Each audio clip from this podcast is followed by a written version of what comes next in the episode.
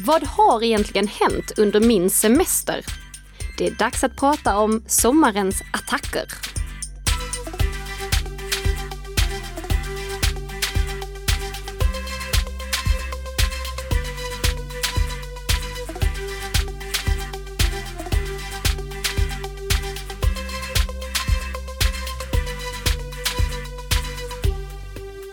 God morgon Nicka! God morgon, god morgon Tess. Jag hoppas allt är bra. Vi har inte setts nu på fyra veckor. Nej, Nej. jag, jag, här är allting utmärkt och ännu bättre nu när jag känner att vi är tillbaka i vardagen. Vi sitter här och poddar och gör ett nytt avsnitt som våra kära lyssnare på kan lyssna på så här på fredagsmorgonen när det sänds ut till dem. Mm, verkligen. Och den här podden produceras ju i samarbete mellan Nika Systems och eh, Bredband2. Och nu så ska vi ju idag prata om egentligen vad som har hänt under min semester, för det har ju hänt en hel del. Precis, men eftersom vi ska hålla oss till 30 minuter, något som vi till och med har fått feedback på att våra lyssnare uppskattar, att vi har liksom 30 minuter och inte drar över tiden, så kommer jag inte säga någonting om din semester utöver att jag hoppas att du har haft en fin sådan. Ja, men så, det har jag. Ja, Ja. Så, så är artigheterna avklarade. Check, check. Och innan vi går in då på veckans huvudämne som är de attacker som har varit under sommaren och vad vi kan lära oss av dem, vad vi ska tänka på med anledning av dem, så ska vi gå igenom veckans snabbisar. Det ska vi. Ja, Så vad har vi här? Det har ju varit patch-tisdag. exakt. Och det var därför Tess kom tillbaka hit, för hon kände, oh, nu är det patch-tisdag, då måste jag tillbaka till jobbet och börja patcha datorer. Exakt så. Ja. Exakt så.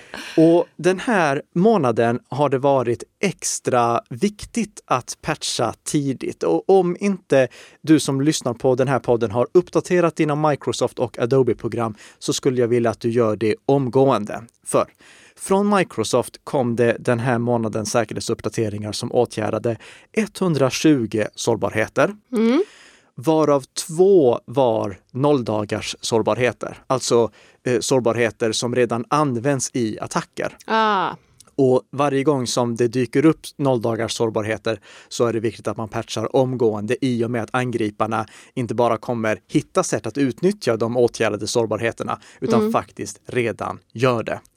Så se till att uppdatera din Windows-dator snarast möjligt. Förra patch-tisdagen så hade vi ju egentligen noll stycken från Adobe, alltså Acrobat Reader. Ja, precis. Den här månaden, då tar de och råder bot på det.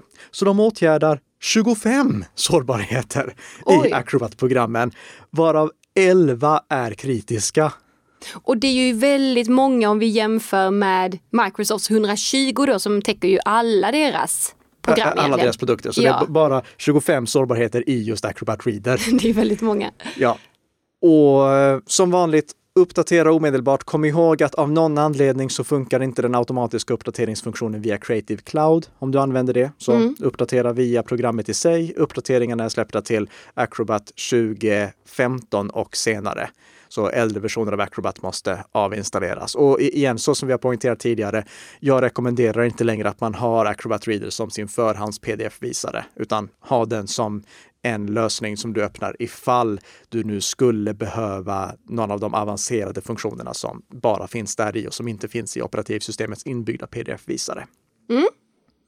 Härligt! Eh, nu tänkte jag att jag ska lyfta faktiskt eh, en rapport från eh, Trend Micro som avslöjar en ökning av attacker mot hemmaroutrar för att använda dessa för botnät som infekterar smarta prylar.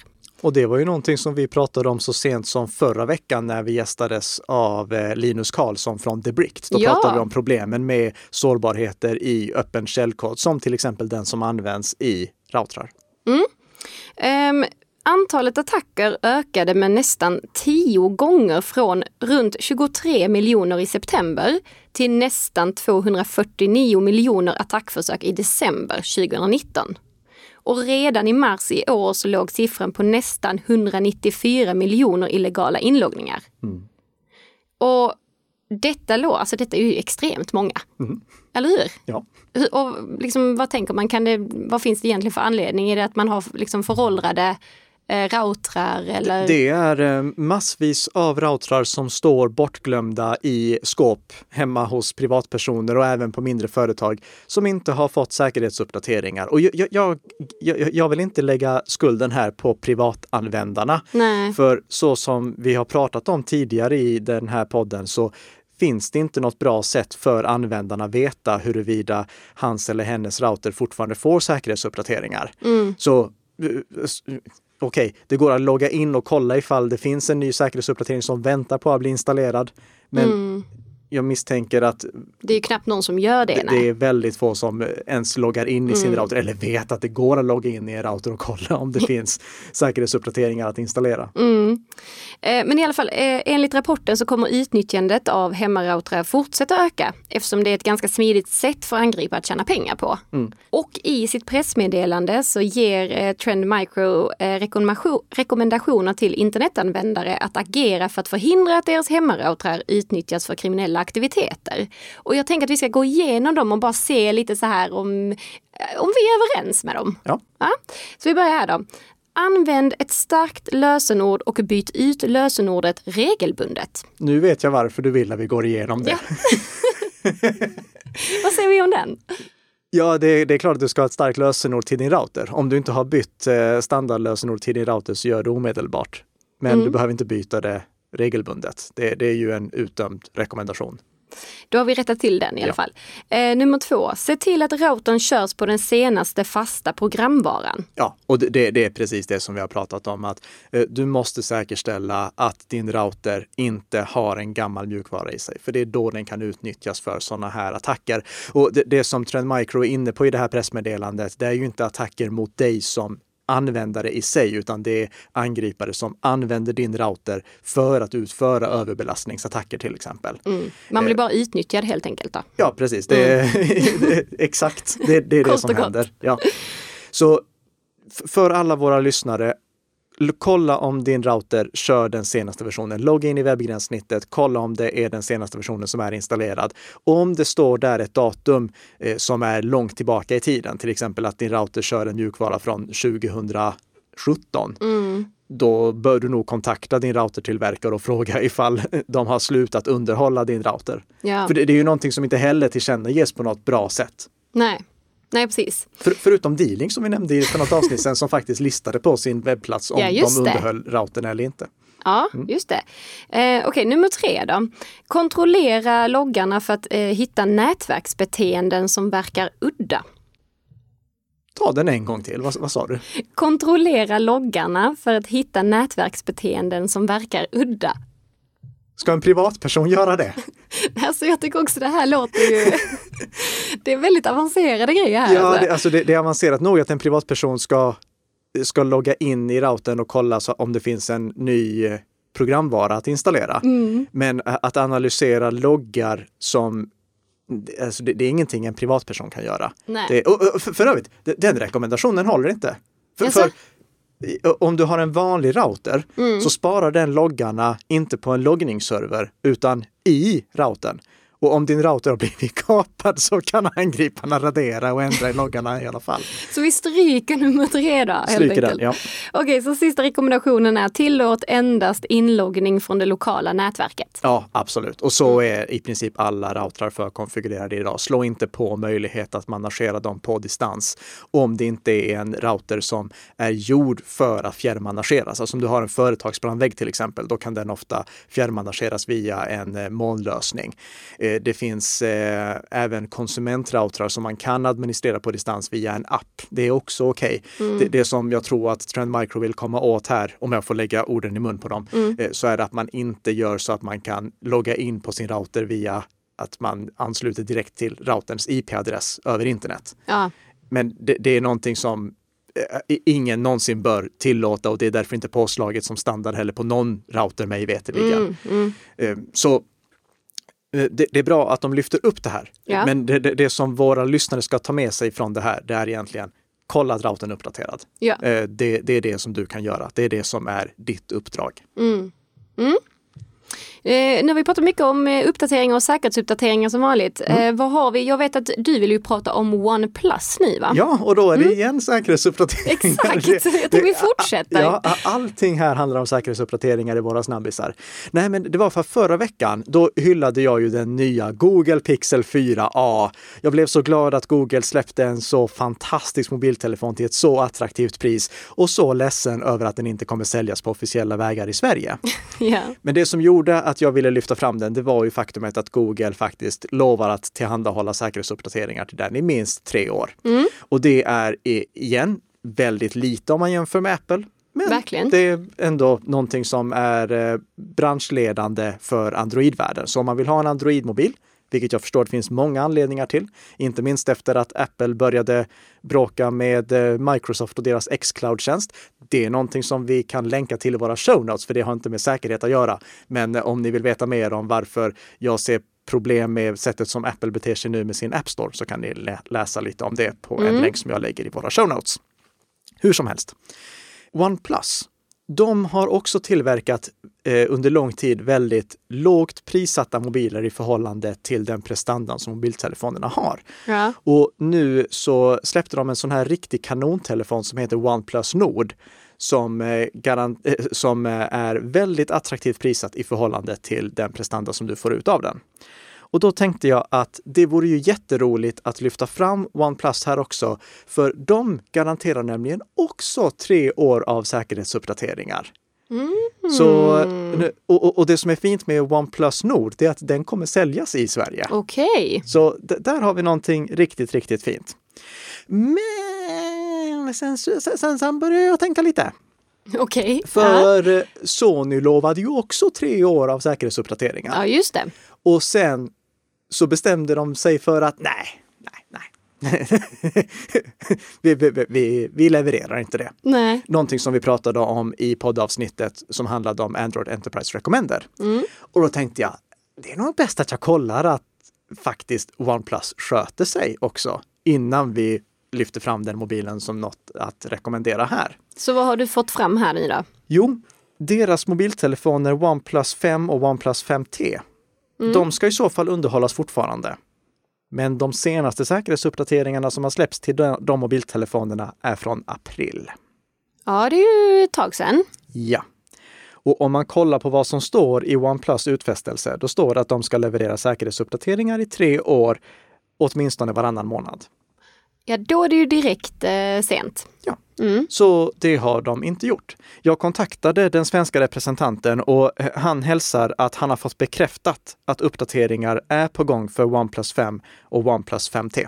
Så de kommer släppa säkerhetsuppdateringar till de mobiltelefonerna så att de kanske underhålls i tre år. Men jag kommer ändå inte hylla OnePlus i det här avsnittet. För om de struntar i att underhålla mobilerna Ja, ja, ja, i, i några miss. månader sådär mitt i så faller det ändå. Absolut. Eh, Så på listan över mobiltelefoner som man kan välja hittar vi tyvärr än så länge bara Googles Pixel-mobiler och eh, Nokias Android Enterprise Recommended-mobiler. Mm. Mm. Men vi, vi fortsätter ju att gräva i det här, för vi, vi vill ha fler bra mobiltelefoner som är Android-baserade att rekommendera. Men eh, än så länge så har vi bara hittat de här mobiltelefonerna där vi faktiskt kan lita på utfästelserna. Ja. Oh, det var snabbt tänkte jag säga. Mm. Eh, men eh, nu så är det ju eh, dags för sommarens attacker, Nicka. Ja. Vad har egentligen hänt här när jag varit borta? Vad har hänt? Ja, det har hänt många saker. Men jag tänkte att vi ska fokusera på framförallt två av dem. Attacken mot Twitter och attacken mot Garmin. Don, don, don. Ja. Och vi börjar med attacken mot Twitter. Mm. Det, den inträffade kvällen den 15 juli, svensk tid. Ja. Och den här kvällen minns jag väldigt väl, för jag tänkte att jag ska skriva en snabb notis om det som har hänt. Men sen så blev det mycket, mycket större än vad jag hade förväntat mig. Vill du ta det från början? Vad, var Ja. det som hände? Vi, vi nämnde ju det här som en snabbis då också i ett poddavsnitt, men vi, vi tar och recappar lite snabbt. Recappar finns inte på Ja, svenska. men jag gillar det ändå. Ja, Ja. ehm, å- återsummerar kan man översätta till det. Mm. Ja, i alla fall. Jag satt och kollade på Twitter och då dök det upp eh, lite sådana här bitcoin-scams som twittrades ut från till exempel Elon Musks konto. Mm. Eh, han twittrade ut en, eh, ett klassiskt bedrägeri som heter ett coinflip-bedrägeri. Eh, det innebär att någon säger om du för över pengar till mig så för jag över dubbelt så mycket tillbaka till dig. Ah, Wow! Eh, För det första, gå aldrig på den. Oavsett var, var du ser den, för det är alltid ett bedrägeri. Mm. Det är inte så världen funkar, kan jag hälsa alla. Men hur som helst, det twittrades ut från hans konto, eh, Elon Musks konto. Och då tänkte jag, okej, han har blivit kapad igen. För det är inte första gången det händer. Nej. Hur han har blivit kapad tidigare, det minns jag inte, men ba- bara som en eh, påminnelse till alla här, för att man ska säkerställa att man inte själv blir kapad, så bör man kontrollera att man har ett starkt lösenord och tvåfaktorsautentisering påslaget. Och då gärna en stark tvåfaktorsautentiseringsmetod som Google Authenticator-metoden eller YubiKey-metoden. Mm. Men det hade inte hjälpt i det här fallet. För sen så började det dyka upp fler sådana här bitcoin scams tweets från andra högprofilerade konton. Däribland eh, Bill Gates, eh, Joe Biden, Var inte Barack Obama också? Barack Obama var med där också. Mm. Så då insåg jag, oh shit. Angriparna är inne på Twitter. De har kommit åt Twitters verktyg. Och det visade sig sen att ja, det stämde. Angriparna hade fått åtkomst till Twitters interna verktyg, alltså verktygen som deras supportmedarbetare hade tillgång till för att de skulle kunna hjälpa personer som behöver hjälp på Twitter av någon anledning med ja, jag vet inte med vad, men i alla Nej. fall det, det, det är verktyget som eh, de anställda har tillgång till. Och inte alla anställda då, men de som behöver ha tillgång till det. Det här hade angriparna fått tillgång till genom social engineering, alltså genom eh, någon typ av nätfiske exempelvis. Mm. Twitter bekräftade att det var genom en phishing-attack som angriparna hade fått åtkomst. Och New York Times berättade lite mer om hur det hade gått till. New York Times uppger att angriparna hade först då på något sätt fått tillgång till någons inloggningsuppgifter för att kunna komma åt den interna Slack-kanalen. Slack är ju det här samarbetsverktyget som har blivit väldigt populärt, inte minst nu med tanke på att eh, många arbetar på distans. Och där i hade eh, angriparna hittat inloggningsuppgifter till det här interna verktyget. Ah. Eller som i alla fall gav dem åtkomst till det interna verktyget. Så någon hand. hade skickat det kanske då? Ja, Till någon? precis. Eh, Vi vet inte exakta förloppet här. Det, det finns Mm. självfallet inte dokumenterat publikt av Twitter. Eh, Men vi kan i alla fall fundera lite över vad det här säger oss och vad vi bör dra för lärdom av det. Och den första saken, det är ju Dela inte under några som helst omständigheter några inloggningsuppgifter via Slack-kanaler. För det, alltså, risken är ju att någon obehörig får tillgång till just den kanalen. För att någon bjuder in någon kors och tvärs. Dela aldrig inloggningsuppgifter via Slack-kanaler eller via e-post eller via sms eller via någonting annat. Nu när vi jobbar på distans, eller många jobbar på distans, då är det viktigare än någonsin att vi har säkra metoder för att dela inloggningsuppgifter. Och då är det en lösenordshanterare som gäller, inget annat. Så det finns så här företagsanpassade som man kan ha så här delade lösenord? Exakt. Ja. Eh, Och då kan eh, den som administrerar den företagsanpassade lösenordshanteraren kontrollera vem som har åtkomst till vilka lösenord, vem som kan dela lösenord med vem och även se till att om den personen lämnar bolaget så kan de strypa åtkomsten till alla företagsinterna lösenord. Sen så gäller det att byta lösenord i alla fall där då, för vi vet ju inte vad den personen kan göra med de lösenorden om han eller hon har kopierat ut dem från lösenordshanteraren. Men det, det är ändå eh, det bästa sättet vi har för att administrera delade lösenord. Det absolut bästa är självfallet att aldrig ha delade lösenord utan att alla användare har sina egna lösenord. Men Det går ju inte alltid, det går tyvärr. inte alltid. Nej. Och om man då ska dela lösenord så dela dem inte på något sätt där någon annan obehörig skulle kunna komma åt dem. Eh, ha det som en lärdom från den här Twitter-incidenten. Om ni behöver dela lösenord, då ska det utan undantag göras via en lösenordshanterare. Mm. Men vi har faktiskt en lärdom till som vi kan dra av det här. Okej. Och det är att Twitter berättade i publik då att angriparna hade lyckats twittra från 45 konton och komma åt direktmeddelande i korgen för 36 konton. Det innebär alltså att en angripare som har tillgång till det interna Twitterverktyget kan läsa meddelandena som skickas via Twitter. Anställda på Twitter kan då också göra det. Alltså de anställda som har tillgång till det här verktyget, de kan också läsa de meddelandena. Jag har ju gjort skillnad tidigare på Facebook och Facebook Messenger i huruvida jag vill använda tjänsten eller inte. Till exempel, jag vill använda Facebook för sociala medier, men jag vill inte använda det för att skicka direktmeddelanden. För sociala medier, det är någonting som är publikt. Meddelanden, det är någonting som är privat. Mm. Och här tycker jag det är en viktig påminnelse då att aldrig skicka känslig information via direktmeddelanden på sociala medier. Oavsett vilket sociala medier det handlar om. Skicka inte direktmeddelanden med känsliga uppgifter, utan använd då istället, ska vi dra till med, Signal kanske? Det låter bekant va? Ja. Mm. Eh, använd Signal för att dela den typen. Eh, behöver du skriva något känsligt, gör det via en säker meddelandetjänst. Mm. Även Mm. om det finns stöd för att skicka meddelanden på det sociala nätverket som du använder, så använd inte det för känslig information, utan använd då istället till exempel Signal. Mm. Och så finns det en uppgift som jag skulle vilja lämna till alla med anledning av den här attacken också. Ja, kör. Och det är att ransaka sig själv. Fundera på vad hade hänt om den här attacken hade drabbat mig och bolaget som jag jobbar på?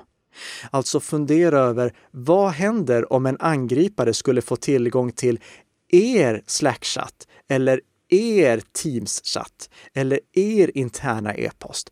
Vad hade en angripare kunnat göra då? Hade angriparen kunnat lägga ut saker på er webbplats? Hade angriparen kunnat twittra saker från era sociala medier? Hade angriparen kunnat komma över kunddata? Hade angriparen kunnat komma över företagshemligheter? Så nu tycker jag att alla gör en liten ja, sån här anteckning i sin, i, i alla fall och, och, om ni eh, jobbar på ett eh, företag där ni på något sätt skulle kunna beröras av det här. Gör då en liten anteckning i er uppgiftslista och fundera över vad skulle det här kunna få för konsekvenser om det hade varit vi som drabbades. Mm. Nästa attack. Garmin. Garmin, känner du till dem? Eh, inte jättemycket. Gar- Nej. Nej, eh, men du har en kollega som jag i alla fall sett har en Garmin-klocka. Det stämmer, det stämmer. Ja. Ja. Och hon vaknade upp en morgon, eh, närmare bestämt den eh, 23 juli, och kunde inte synka den med Garmins tjänster. För Nej, att. Garmins tjänster låg nere. Mm. Garmin de tillverkar sådana här eh, GPS-mottagare, eh, smarta klockor, aktivitetsarmband och liknande. Mm. Och den 23 juli, då låg alla de här tjänsterna nere. Det gick inte att synka sin klocka, det gick inte att eh, hämta hem nya kartor och liknande från Garmin som är ett jätteföretag. Gick man till Garmins webbplats, då möttes man bara av en notis där det står att vi har för tillfället störningar som påverkar Garmin.com och Garmin Connect. Garmin Connect är då en av de här tjänsterna de driver. Okej. Det här, eh, den här driftstörningen påverkar också våra callcenters och vi kan just nu inte ta emot samtal eller e-post eller webbchattar. Vi eh, jobbar på att eh, försöka lösa det här så snabbt som möjligt och vi ber om ursäkt för eh, the inconvenience, inconvenience på svenska, obekvämligheterna. Mm, Ja. mm. Det, det var live-översättning. Ja, precis. Den 27 juli då skickade de ut ett pressmeddelande där de bekräftade vad det var som hade hänt och det som alla misstänkte, nämligen att de hade drabbats av en utpressningsattack. De hade drabbats av en utpressningsattack där de hade fått data krypterat och jag misstänker att anledningen till att det fick så här breda konsekvenser, det var att de troligtvis i panik bara kopplade bort allting från nätverket så att så lite som möjligt skulle påverkas av den här utpressningsattacken. Mm. I pressmeddelandet som de skickade ut den 27 juli, då skrev de att de eh, hade inte några indikationer på att några, någon kunddata eller betalningsinformation från Garmin Pay, det är deras betalningstjänst som de har stöd för i vissa av sina klockor, hade eh, kommits åt eller blivit stulen. Okej. Okay. Så det, det, var i alla fall betryggande. Mm. Men med det sagt så var ändå konsekvensen att det blev den här stora driftstörningen och att eh, de hade fått system utpressningskrypterade. Det som eh, utpressningstrojanen som hade drabbat dem, den eh, heter Wasted Locker. Okay. Och det är en trojan som är riktad specifikt mot liksom, stora enterprise-miljöer, stora företag. Så det, det var inte liksom vilken eh, utpressningstrojan som helst som drabbade dem.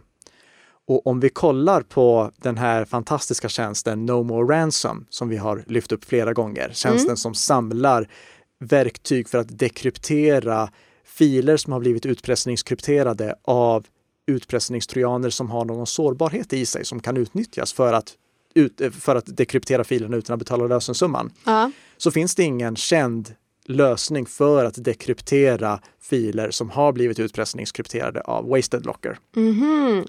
Så vet vi vad, vad som hände sen då? Vad, vad gjorde Garmin liksom? Ja, i och med att det inte finns någon känd sårbarhet i Wasted Locker, mm. men Garmin ändå kunde dekryptera filerna, så kan jag bara dra en slutsats. Mm. De betalade. Aj, aj, aj. Ja.